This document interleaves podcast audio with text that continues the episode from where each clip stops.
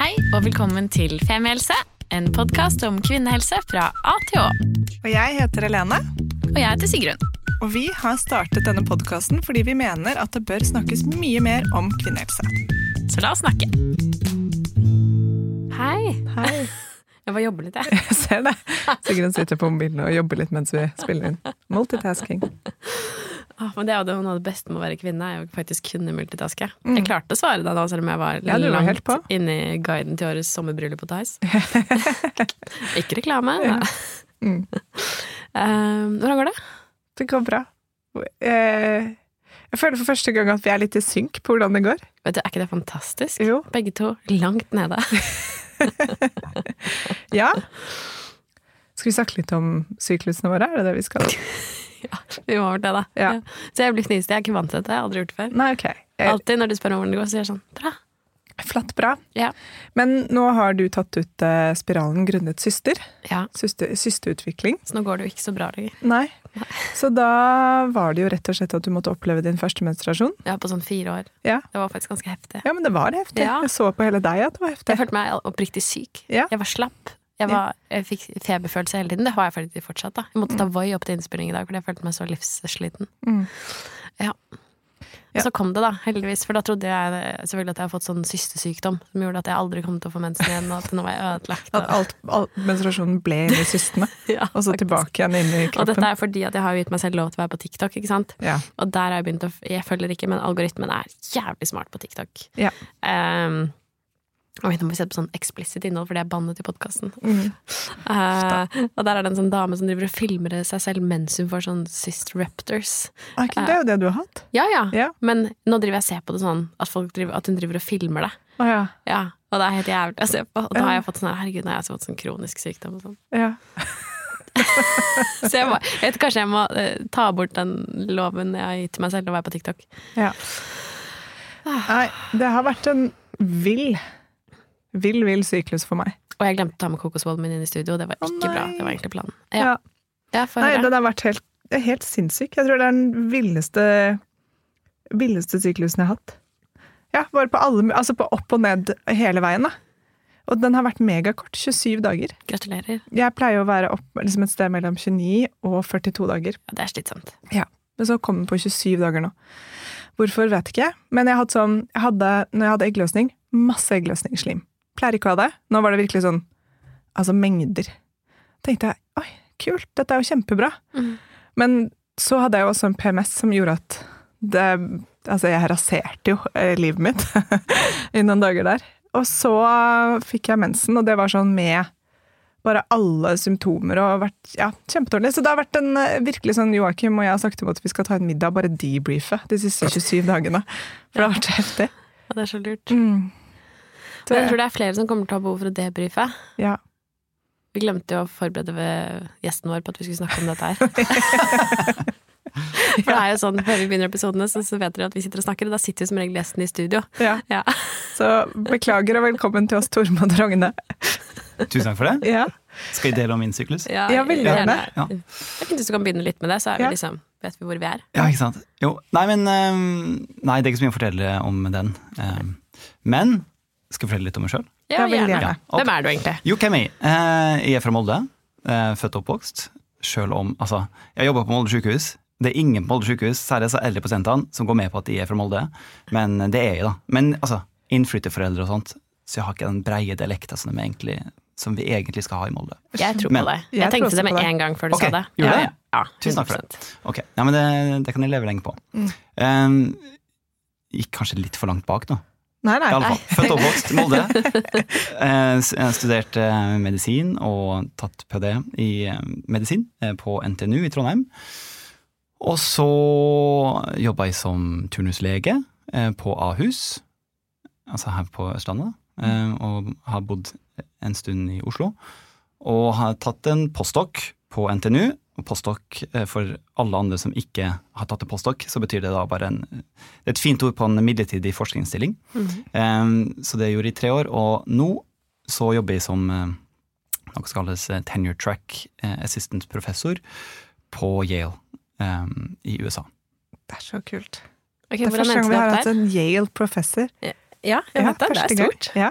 Kult. Kanskje vi skal gå ut og feire etterpå. Ja. Ja. Vi orker ikke Eh, mer. ja, Ja. Nei, det var, nei, hvordan endte jeg opp der? Det var altså, mye, eh, mye tilfeldigheter og stang inn og sånt, som, Ja. eh, som, som det ofte er. Mm. Eh, Som, eh, nei, så det, det var rett og slett at da jeg tok den postdokken, som forskningsstilling, så var jeg også på Yale.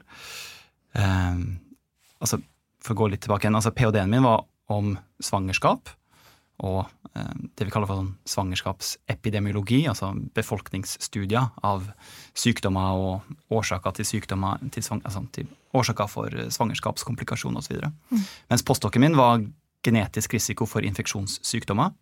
Så litt annerledes, egentlig. Ikke i forbindelse med svangerskap. Ikke i forbindelse med svangerskap.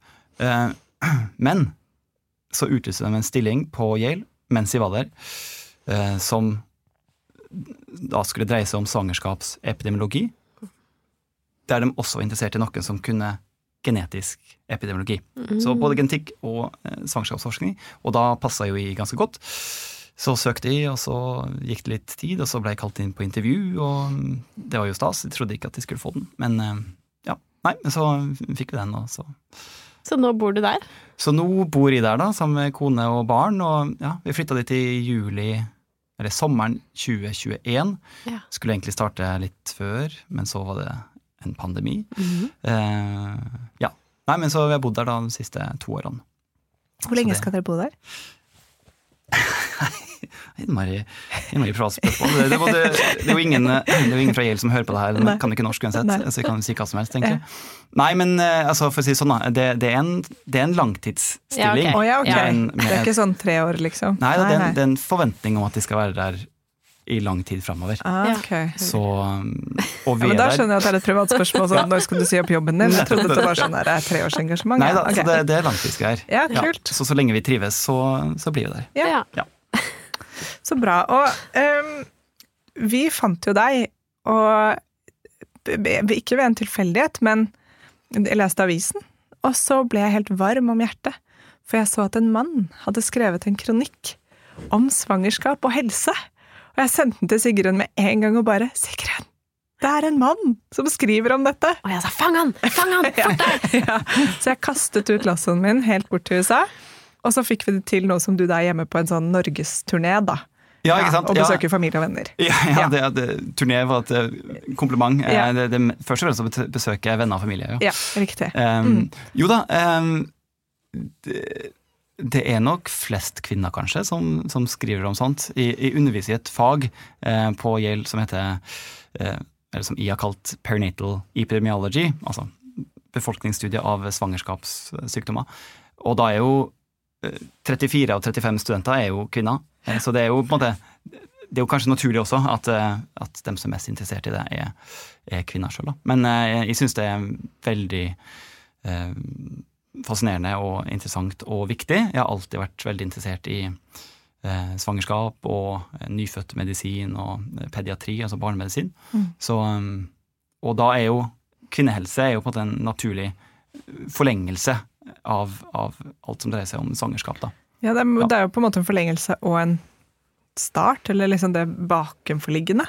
Så det er jo på en måte Mhm. både og, ikke sant? Det, -hmm.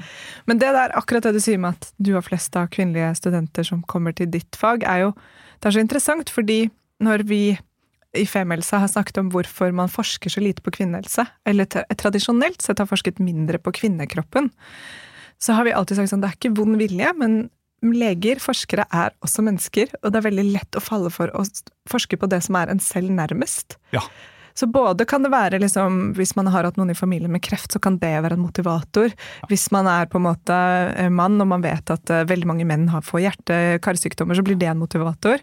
Mens vi ser at nå, som det er like mange kvinner minst som, som er leger og forskere, eller i hvert fall leger og flere og flere forskere, så ser man jo at endometriose, alle disse tingene som vi også som kvinner lever med, eller med livmor lever med, så blir det en sånn det, det blir et helt skifte der, da, etter hvert, som er kjempefint. Ja, ja, det, det tror jeg du har helt rett i, Mm. um, og jeg er helt, eh, helt enig.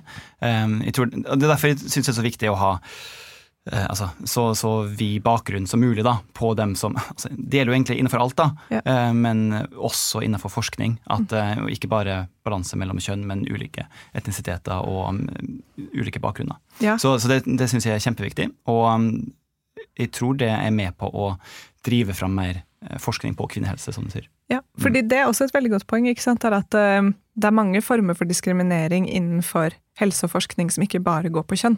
Det kan være etnisitet, ikke sant? og det kan være alle mulige bakgrunner og vekt til og med. ikke sant? Det er så mye som påvirker hvordan vi tar imot medisiner eller behandlinger. Som, så ja, Men det er i hvert fall bare en liten sidenote på at det, det, er, det er i hvert fall noe vi har diskutert mye oss imellom, at det handler ikke om en sånn derre 'nei, vi vil ikke', men at når man sitter der da, og skal velge hva man skal studere og jobbe med, så tar man noe man syns er interessant, og det er Ja, ofte ja. det som er nærmest. Da. Ja, definitivt. Altså, Ja. det, det er ikke så gøy å forske på noe at du blir tvunget til å forske på. det. Sant? Nei. Man følger noe man er interessert i. Ja.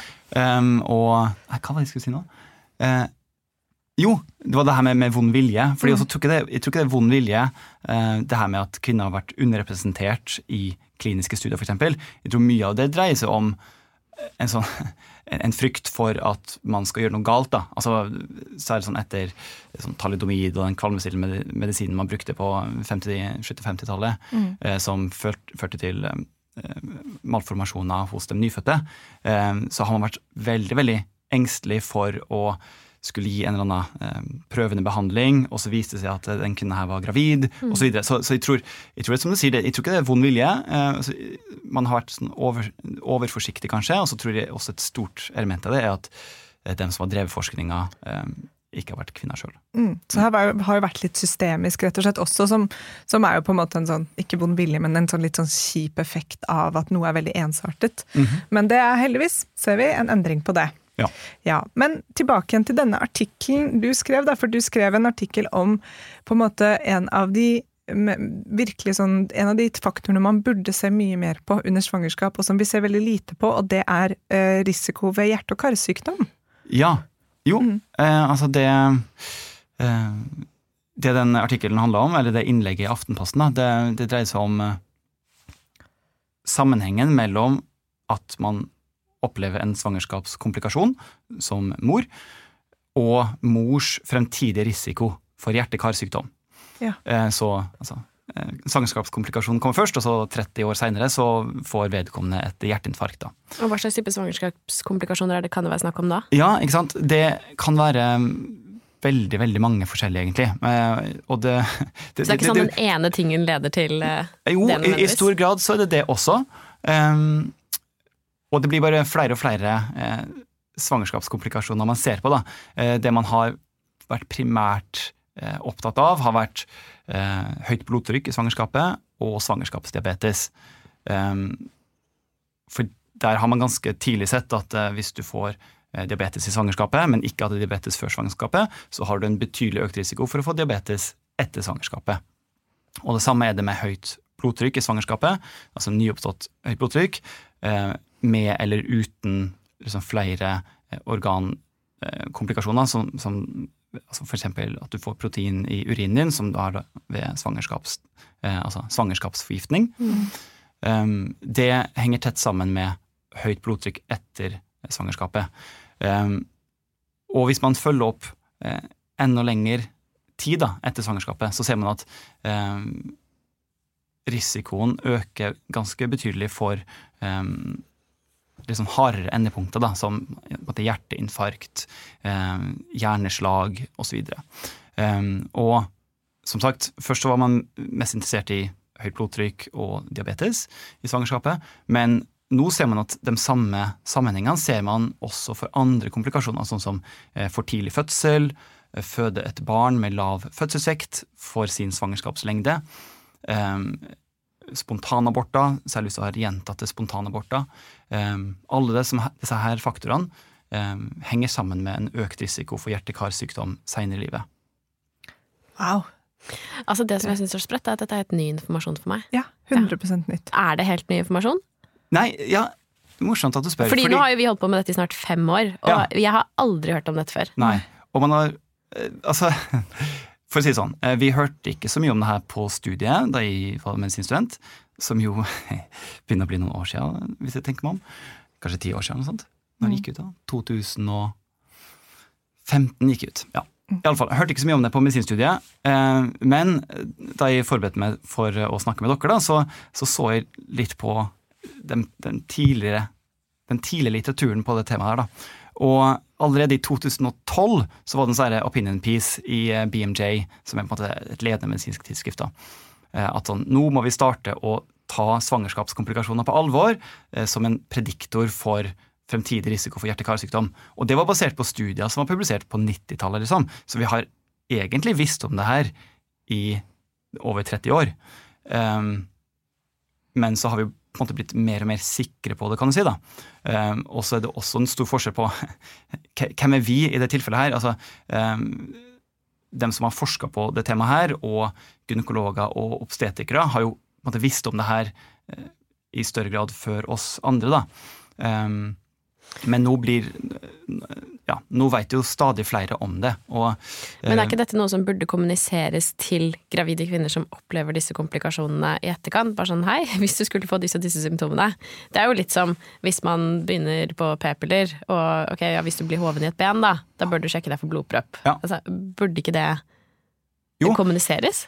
Jeg bare syns det er så sprøtt jo, at vi liksom ikke eh, det, um, det kan du si. Um, og til en viss grad så blir det kommunisert.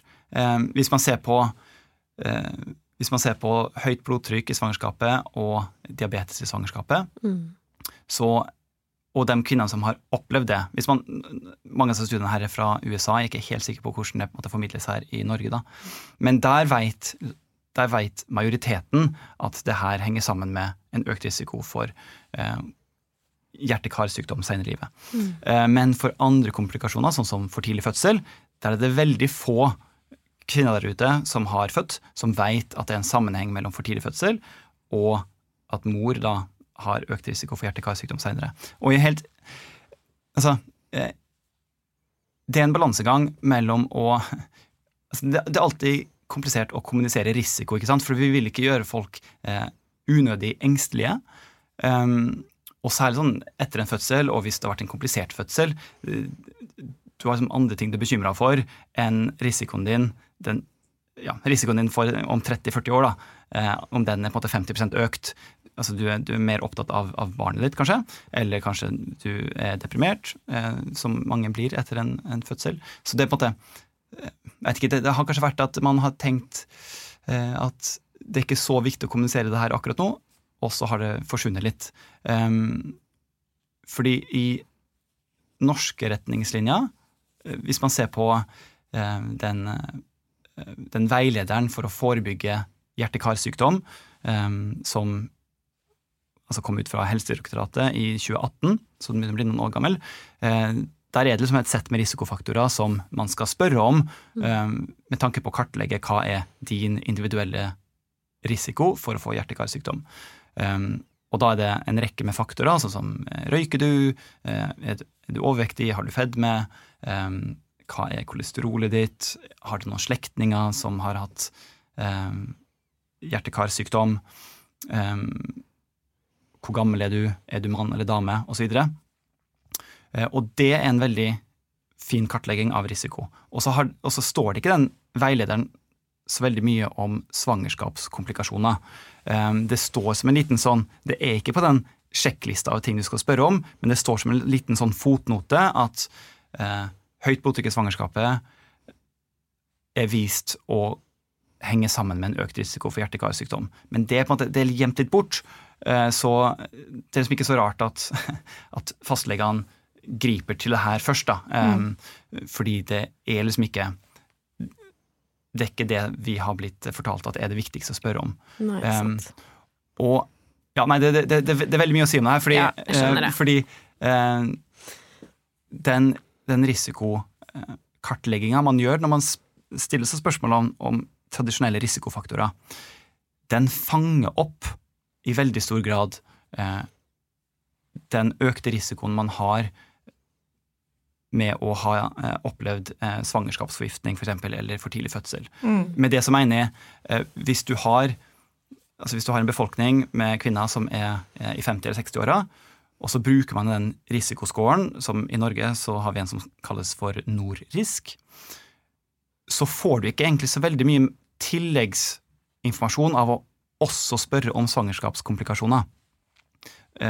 Og det betyr at veldig mye av den økte risikoen for hjerte-karsykdom pga. en svangerskapskomplikasjon nok går gjennom de her tradisjonelle risikofaktorene. Ja. Um, så for, for, eh, for høyt blodtrykk i svangerskapet, f.eks., så vet man at det aller meste av risikoen på fremtidig hjerte-karsykdom går gjennom nyoppstått eh, høyt blodtrykk etter svangerskapet. Men hvorfor er det sånn at hvis du spontanaborterer mange ganger, så kan det eh, gi en økt risiko? Ja, godt spørsmål. Um, og det korte svaret er at man veit ikke helt sikkert. Uh, og det litt uh, lengre svaret er at uh, man tror at det er at svangerskapet fungerer som en sånn stresstest for din hjertekar, for ditt hjerte-karsystem. Ja. Sånn at det at du opplever disse gjentatte eh, spontanabortene, eksempel, eller det at du opplever eh, svangerskapsforgiftning osv. Det, det på en måte avslører, kan du si, altså det, det, det, det beskriver at denne personen har sannsynligvis en underliggende sårbarhet for å få hjerte-karsykdom. For det er mange av de samme prosessene eh, som fører til eh, svangerskapskomplikasjoner, som eh, også fører til fremtidig risiko for hjerte-karsykdom. Så den, for eksempel når, når det embryoet implanterer i, i livmorslimhinna, så er det jo en prosess med sånn, det vi kaller for plasentering, at, at plasentaen dannes osv. Og, så og da er det veldig viktig at eh, i mors eh, livmor så er de eh, livmorarteriene eksempel, at de er både, klare til å ta imot et svangerskap. Eh, og hvis, hvis de ikke er klare for å ta imot et svangerskap, eh, så, så vil det kunne føre til eh, spontanaborter. Det vil kunne føre til eh, økt risiko for, for andre svangerskapskomplikasjoner, sånn som tidlig fødsel. Um, og det er den, sam, det er den samme på en måte, patologien som også kan gjøre seg til syne i form av hjerte-karsykdom senere i livet. Herregud, det er så Så, komplekst. så, så det er ganske Ja, men- komplekst. Men handler det ikke da på en måte om at liksom, jeg vet ikke, hele eh, blod, hjerte, blodåre, karsystemet ditt er jo liksom påskrudd og, og klar for endringer og klarer å deale med de tingene som skjer i kroppen. Og hvis det er litt, litt dårligere på det, så er man kanskje også mer utsatt for eh, Jo, ja, for Jo, hjerte-karsykdom. Altså. Hvis man skal si det ekstremt fordømmes, da. Eller det er sånn jeg forstår det. Det samme hvis man ikke klarer å justere seg under et svangerskap Ja. til på en måte, ja, å tilpasse seg. Ja, ja men det syns jeg er en veldig fin måte å beskrive det på. Um, fordi den, den andre siden av det Ja, fordi jeg tror det er sånn som du sier. Jeg tror det er Eller man tror, inkludert meg sjøl, at det er den viktigste veien her. Uh, det er også en hypotese at det er en, en kausal sammenheng, da. Men det, som- men det som mener jeg en, en årsak-virkning, da. At okay. eh, det at du opplevde eh, for tidlig fødsel, gjør at du har en økt risiko for hjerte-karsykdom. Og hadde vi forhindra den for tidlige fødselen, så hadde du ikke hatt den økte risikoen. At måtte, du har at selve svangerskapskomplikasjonen fører til en skade. Men det man, er, altså man tror mer at det dreier seg om eh, avsløring av en underliggende sårbarhet, Ja. eh, mer enn at svangerskapskomplikasjonen i seg sjøl fører til en, en økt risiko. Nettopp. Det er superinteressant. Og det er, det er det som er så spennende, og det er derfor det er så viktig at det forskes mer på, på svangerskap. Da. Både fysisk og psykisk, fordi på den andre siden så har vi jo eller egentlig ikke på andre siden, det er egentlig samme side. Så er det jo, Vi har jo snakket mye om i det siste at det er forsket veldig mye på psykisk sykdom etter fødsel, eller perinatal psykisk uhelse, og vi vet masse om det også, gjøres ingenting for å forebygge det. Men eh, jeg har snakket med en jordmor som har en god venninne som er psykolog, og jeg har nevnt dette før i en tidligere episode, som sa at hun har til gode å møte eh, altså psykolog, Psykologen sa at hun har til gode å møte en utbrent 50-60-åring som ikke har hatt en traumatisk svangerskap-fødselsopplevelse. Ja.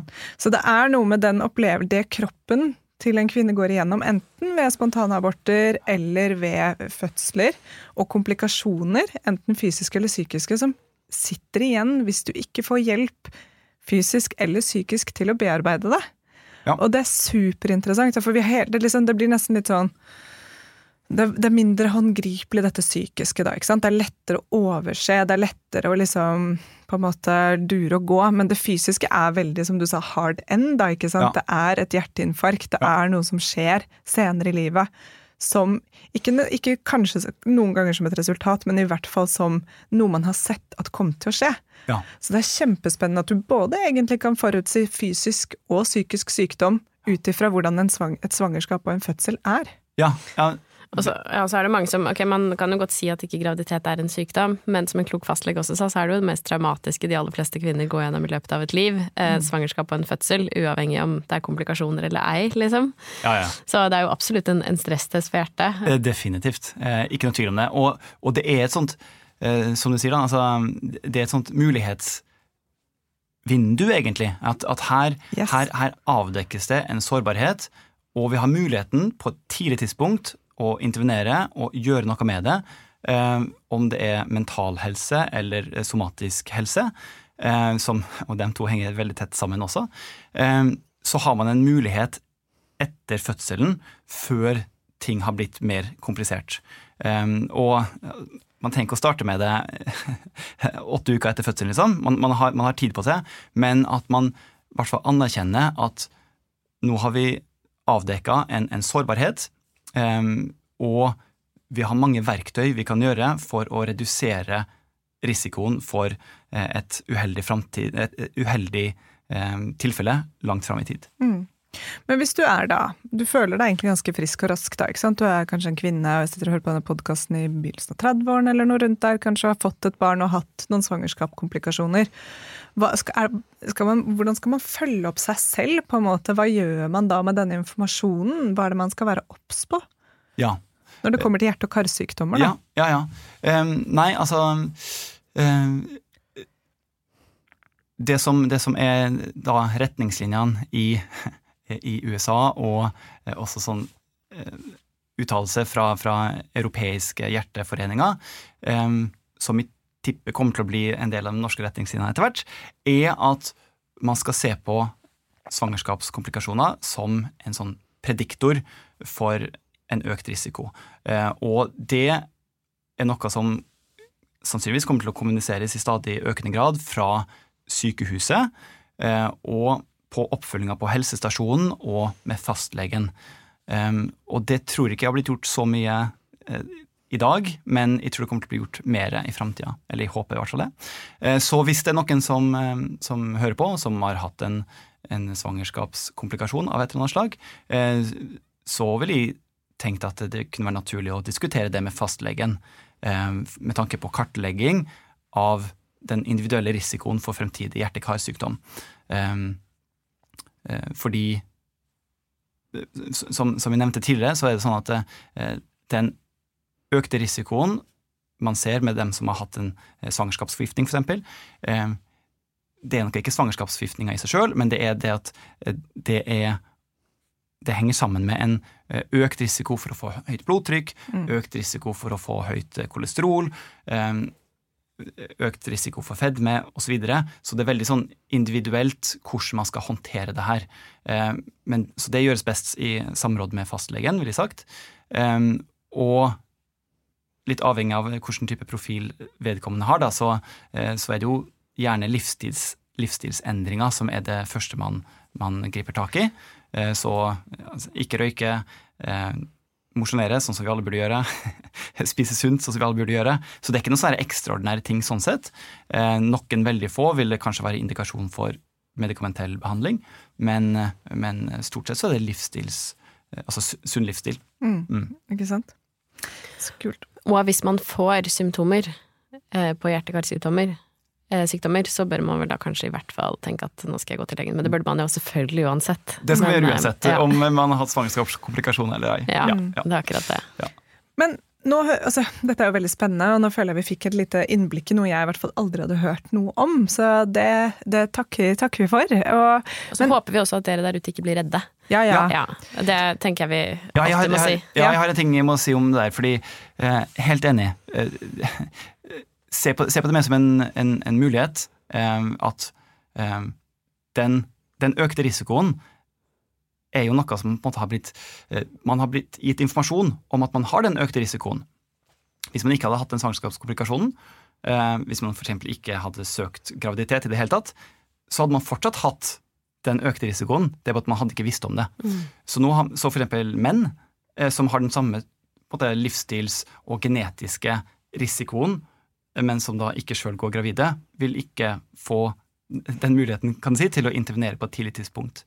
Eh, og med tanke på det her med, med økt risiko, eh, det er i størrelsesorden altså for, for, eh, for, altså for, for tidlig fødsel, f.eks., så er det i størrelsesorden en 50% økt risiko, som kan høres veldig mye ut, men det er jo ikke så veldig, veldig mange som får hjerte-karsykdom 10-20 år etter et svangerskap.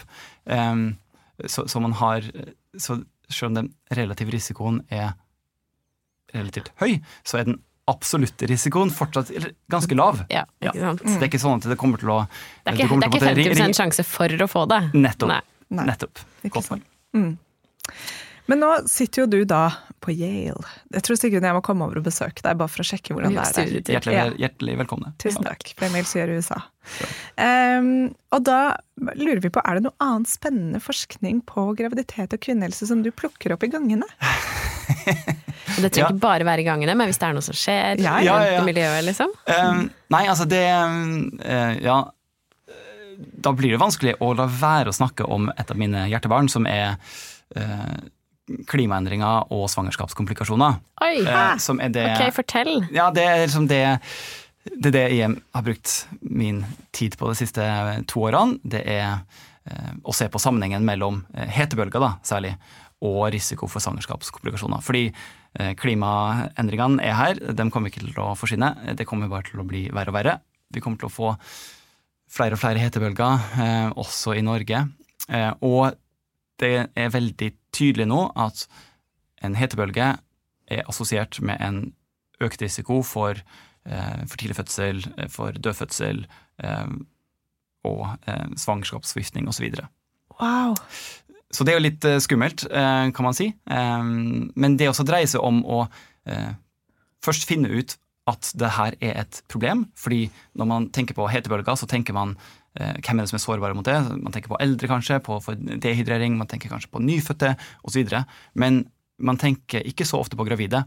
Men, så, så det, det, er et sånt gryende forskningsfelt, da, kan du si, som får veldig mye uh, oppmerksomhet uh, nå for tida. Mm. Er alle gravide utsatte da, eller handler det da primært om de som ikke har muligheten til å jeg vet ikke, trekke inn. Tre, Ja, trekke inn, ja, ikke sant? Ja. ja, veldig godt poeng, og man veit ikke engang måte, direkte hvilke mekanismer det er snakk om. Man vet ikke om det er det, sånn, er det temperaturen i seg sjøl, eller er det at eh, når det er høye temperaturer, så stiger også luftforurensningsnivået, som det har en tendens til å gjøre, mm. og at det egentlig er gjennom lufta man puster inn. Um, og Da hjelper det ikke så mye å gå i et kjøleanlegg hvis du har åpent vindu. Uh, ikke sant? Så, så um, og her også, det er snakk, det er snakk om på det. Eh, det er ikke sånn at man ikke skal gå ut og nyte sola, det er ikke det jeg sier. Men, men, eh, men du spurte om hva som er spennende ja. og nytt på forskningsfronten. Og jeg vil si at hvert innenfor svangerskap så er det her noe av det som på en måte eh, er mest, mest spennende. Ja. Ja, man nytt. tenker sånn fra evolusjonærs, evolusjonærs perspektiv, jeg har ikke å prøve å si det, så er det jo noe med at hvis det hadde vært en hetebølge, så ville jo egentlig på en måte eh, flokken, menneskeflokken, være klar over at det kommer kanskje en veldig dårlig avling, husdyra dør Kanskje det er et veldig dårlig tidspunkt å få masse barn på, da, for, for den gjengen, liksom, samlet. Ja. For, for 100 000 år siden, liksom. Ja. Mm, ja, nei Hvis det viser seg at det er den Er kroppen så smart? Ja, kroppen er megasmart, tror jeg, da. Ja, jeg også, jeg Nå har ikke jeg forsket så lenge på dette, jeg har forsket på dette ca. et og et halvt minutt. Men uh, nei, jeg vet ikke. Jeg bare sier at det må jo være Det kan jo være en annen form for sånn dette er et innmari dårlig tidspunkt å få flere barn. Ja, ikke det er altfor varmt, det Ja, kommer ja. ikke til å være korn, og alle kyrne har daua. Ja, ja, ja, men det er vel litt sånn med andre dyrearter, tror jeg. Ja. Eh, jeg skal ikke uttale meg på vegne av menneskeheten om, om det er sånn med oss også, men eh, Mm. ja, vet ikke. Nei, time will show. Ok, Men dette skal du fortsette å forske på, da? Ja. Så da kan du komme tilbake når du har funnet ut hvorvidt eh, det er pga. avlingen eller ikke. Og fortelle det. Ja. Akkurat. Nei, det er jo helt sprøtt. Altså, ja. Mm. Det er så deilig å si Chira. Ja, Chira. Ja. Det var fint at vi fikk lysna opp det temaet litt, syns jeg. Det var litt mørkt der et øyeblikk. Åh, for meg. Nei, men det er veldig Jeg syns uansett Eller det er, høres, det er et kjempespennende forskningsfelt, og jeg blir veldig glad for alt det forskes på, for jeg føler at alle sånne eh, forskningsprosjekter trekker med seg nye tanker, og det blir spennende, og det Og ikke sant, det er noe med at når man kan, sånn som, sånn som du har gjort litt, at man forsker på svangerskap i et liksom helt sånn eh, over hele befolkningen. Så man lærer så, vi kan lære så veldig mye mer om menneskeheten ved å forske mer på det. Og ja, nei, det er, jeg har kun sagt om dette i timevis, hvor mye mer jeg syns vi burde sett på det. Ja, men Det er så så tror jeg også at vi på en måte også blir liksom fanget i en negativ boble, fordi i hvert fall i vår sfære så snakkes det veldig mye om hvor lite forskning det Mm. er, hvor lav kunnskap det er, hvor lite penger som bevilges, hvor lite opptatt politikerne er det. Og så eh, er det en blanding at vi glemmer litt og vet ikke at sånn som deg sitter bort på Yale og forsker på dette her. Um, Det er derfor vi fikk flydd han over nå, ikke sant? ja. Ja, ja sant. For å ta denne Takk, takk for billetten. Bare hyggelig. Um, nei, så jeg tror det er en viktig påminnelse til oss selv også. Um, og en invitasjon til alle dere der ute som kjenner noen, eller selv forsker på et eller annet. Um, som uh, ja, kan, kan lysne opp det perspektivet litt. Ja, vi er jo, ønsker jo å være forskningsformidlere. Vi er også veldig glad i å dele, hvis noen av dere trenger hjelp til å få eh, deltakere til forskningsprosjekter og sånn. så Der er vi ganske deler gode. Ja, der er vi gode. Vi har fått fylt opp mange. Ja. Ved hjelp av selvfølgelig mange, men det er veldig gøy. Så det Ja. skjer mye gøy der ute. Ja, eh, apropos det. Eh, Ja. det her er et prosjekt som ikke jeg har noe som helst med å gjøre, men eh, som jeg også bare sånn ramler over eh, her en dag. Eh, det er et prosjekt på universitet, Oslo universitetssykehus eh, der de skal se på nøyaktig det her som vi har snakka om i dag, da, med sånn eh, Hva har det å si å fortelle til eh, kvinner som har opplevd, opplevd en svangerskapskomplikasjon, eh, at du har en økt, risiko for frem, altså økt fremtidig risiko for hjerte-karsykdom. Eh, og det de skal gjøre, er at man trekker lodd. Den ene gruppa får en app der det er et sånn opplæringsvideoer og sånt. Eh, og man legger inn også litt informasjon om ens hjerte-kar-risiko. Og så får man også eh, hyggelige påminnelser om at man må ta en time med helsepersonell og kartlegge ens individuelle risiko for hjerte-karsykdom. Så det er den ene gruppa. Og den andre gruppa er bare eh, standard care. Altså det er bare sånn som alle andre i dag blir, blir håndtert etter en svangerskapskomplikasjon. Og så ser man, fordi man vet jo egentlig ikke har det noen ting å si det vi nå snakker om? Har det noen å, å si å informere eh, om den risikoen? Blir folk engstelige, eh, eller syns folk det er nyttig å høre om? Eh, så jeg, jeg syns bare det var fantastisk at, eh, at her ute i den, i den store verden så var det et prosjekt her på Oslo universitetssykehus som gjør på en måte en, et sinnssykt kult prosjekt. Eh, og når man gjør, gjør sånn loddtrekning, så er jo det en veldig robust eh, studiedesign. Da. Så um, Mom, Momcare eller noe sånt, tror jeg det heter. Ja. Kanskje vi har delt òg? Kanskje. Altså jeg vet at Universitetet i Stavanger holder jo på med også noe veldig spennende med å se på hjernen til eh, Eller altså psyken og hjernen til kvinner før og etter fødsel. Veldig, ja, vi deler det vi kan, i hvert fall. Og du delte jo en veldig, veldig flott forskning med oss om eh, hvordan det å høre på podkaster om fødsel kan faktisk gi en bedre fødselsopplevelse. Så Ja. det ble vi veldig sånn Å, så hyggelig. Så vi delte den med våre søstre i Fødepodden og bare hør. Og de ble jo så glad at de laget et lite innlegg om det på Instagram. og bare Så det er jo så mye gøy forskning, fordi veldig mange av nå kan jeg si oss, da holder jo på med noe som man tenker at å, håper det hjelper noen der ute litt. Håper det hjelper noen å høre litt om dette, lære litt om dette. Så når noen har forsket på at kvinner som har hørt på fødselspodder før de føder, kan ha en faktisk bedre fødselsopplevelse og mindre, bitte litt mindre risiko for fødselsdepresjon. Ja. Veldig gøy. Ja. Ja. Ja, det, jeg var veldig Jeg var, jeg var like gira som du. Så vi går var Å lage flere fødeepisoder ble Ja, ja. Vi har, laget, vi har laget ganske mye på det. Ja. Altså veldig Ja, det er deilig. Det fins. Mm. Så tusen takk for at du tok turen helt fra USA bare for å komme og være med i Femihelse. Det er så raust av Ja, at Yale sponset det og sponset oss. Det setter vi stor pris på. Ja, ja, ja. Ja, det var skikkelig fint å ha deg her, og så gleder vi til å bare ha deg som på jevnlig besøk hver gang du publiserer noe nytt. Ja, jo, selvfølgelig. Jeg, jeg, jeg kommer, jeg. Du kommer? Ja, Ja, ja. det er fint. Takk for at du fikk komme. Takk for oss. Takk for dere som hørte på. Snakkes! Det gjør vi. Ha det. Ha det. Tusen takk for at du hørte på podkasten vår. Selv om det forhåpentligvis kommer tydelig frem, så vil vi understreke at vi ikke er helsepersonell. Ja, så som vanlig, kontakt legen din om du har noen spørsmål, eller om du skal begynne på noen form for behandling. Og har du et tema som du har lyst til at vi skal snakke om, eller noe ris eller ros, så send oss gjerne en melding på Facebook eller på Instagram. Der finner du oss under Femihelse. Og du kan gjerne rate oss på iTunes, det er skikkelig hyggelig for oss. Ha en fin dag! Ha en kjempefin dag!